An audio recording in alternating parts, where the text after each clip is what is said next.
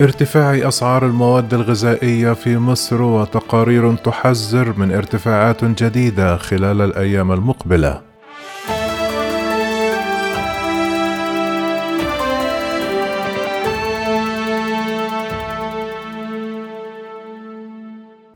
تزايدت شكاوى المصريين في الأيام الأخيرة من ارتفاعات حادة في أسعار السلع والمواد الغذائية الأساسية فيما تحاول الحكومة طمأنة الناس بأن ذلك أمر مؤقت واتهامات إلى التجار بالجشع. بداية من الخبز وحتى اللحوم ارتفعت الأسعار ما بين 20 إلى 50% في أيام معدودة بحسب ما تم رصده في ظل تقارير تحذر من ارتفاعات جديدة خلال الأيام المقبلة. قال تجار أن الغزو الروسي لأوكرانيا تسبب في اضطراب واردات مصر من القمح مع توقف شحنتين. اشترتهما هيئة السلع التموينية في الموانئ الأوكرانية. فيما تعرضت شحنات أخرى للخطر فضلا عن ارتفاعات متوقعة في الأسعار.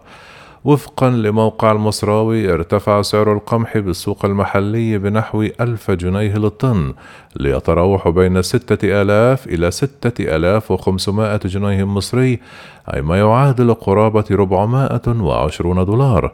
كما رجح عضو غرفة صناعة الحبوب باتحاد الصناعات أن يشهد السوق رفع أسعار أنواع من الخبز قريبا. كشف وليد دياب عضو غرفة صناعة الحبوب باتحاد الصناعات عن رفع سعر الدقيق الذي يبيعه للمخابز عشرون في المائة مشيرا إلى أن يعتزم رفع السعر مجددا لأن الزيادة السابقة لا تتفق مع سعر القمح بعد زيادته عالميا.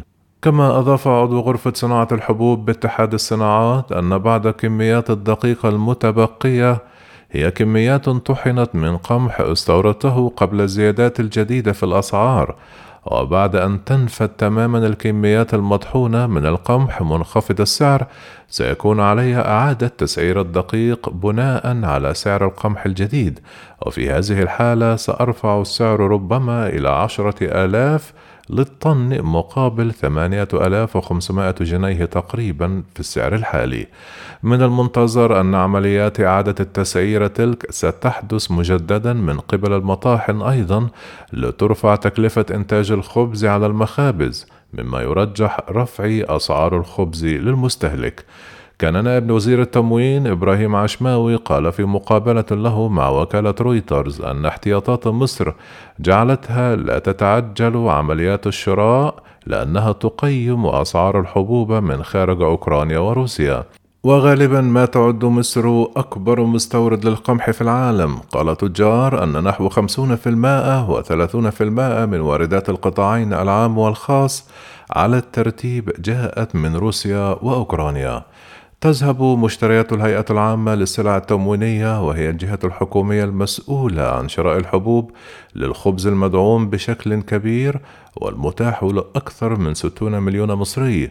وتقول الحكومة أنها تعتزم إصلاح هذا البرنامج لأنها تحاول الحد من فاتورة الاستيراد لكنها لم تعلن عن خطة بعد.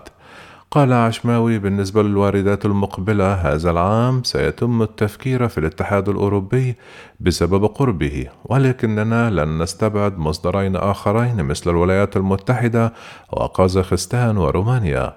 وتسبب ارتفاع أسعار القمح في زيادة أسعار الدقيق وبالتالي المكرونة التي أصبح سعر الطن منها يصل إلى عشرة آلاف جنيه مقابل سبعة آلاف وخمسمائة جنيه. وثمانية آلاف جنيه قبل الزيادة.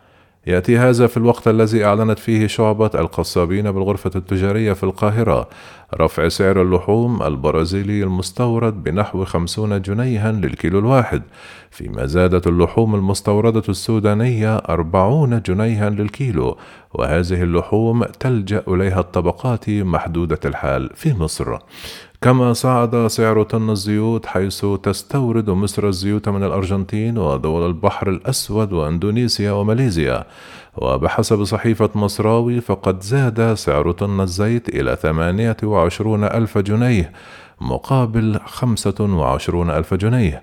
كما صعدت أسعار الذرة الصفراء خلال الأسبوعين الماضيين في الأسواق ألفي جنيه للطن والتي تذهب منها نسبة 60 إلى 70% كعلف للحيوانات. كما ارتفعت أسعار الحديد التي تدخل في صناعة البناء مما يهدد بعض المشاريع التي يتم العمل عليها حاليا.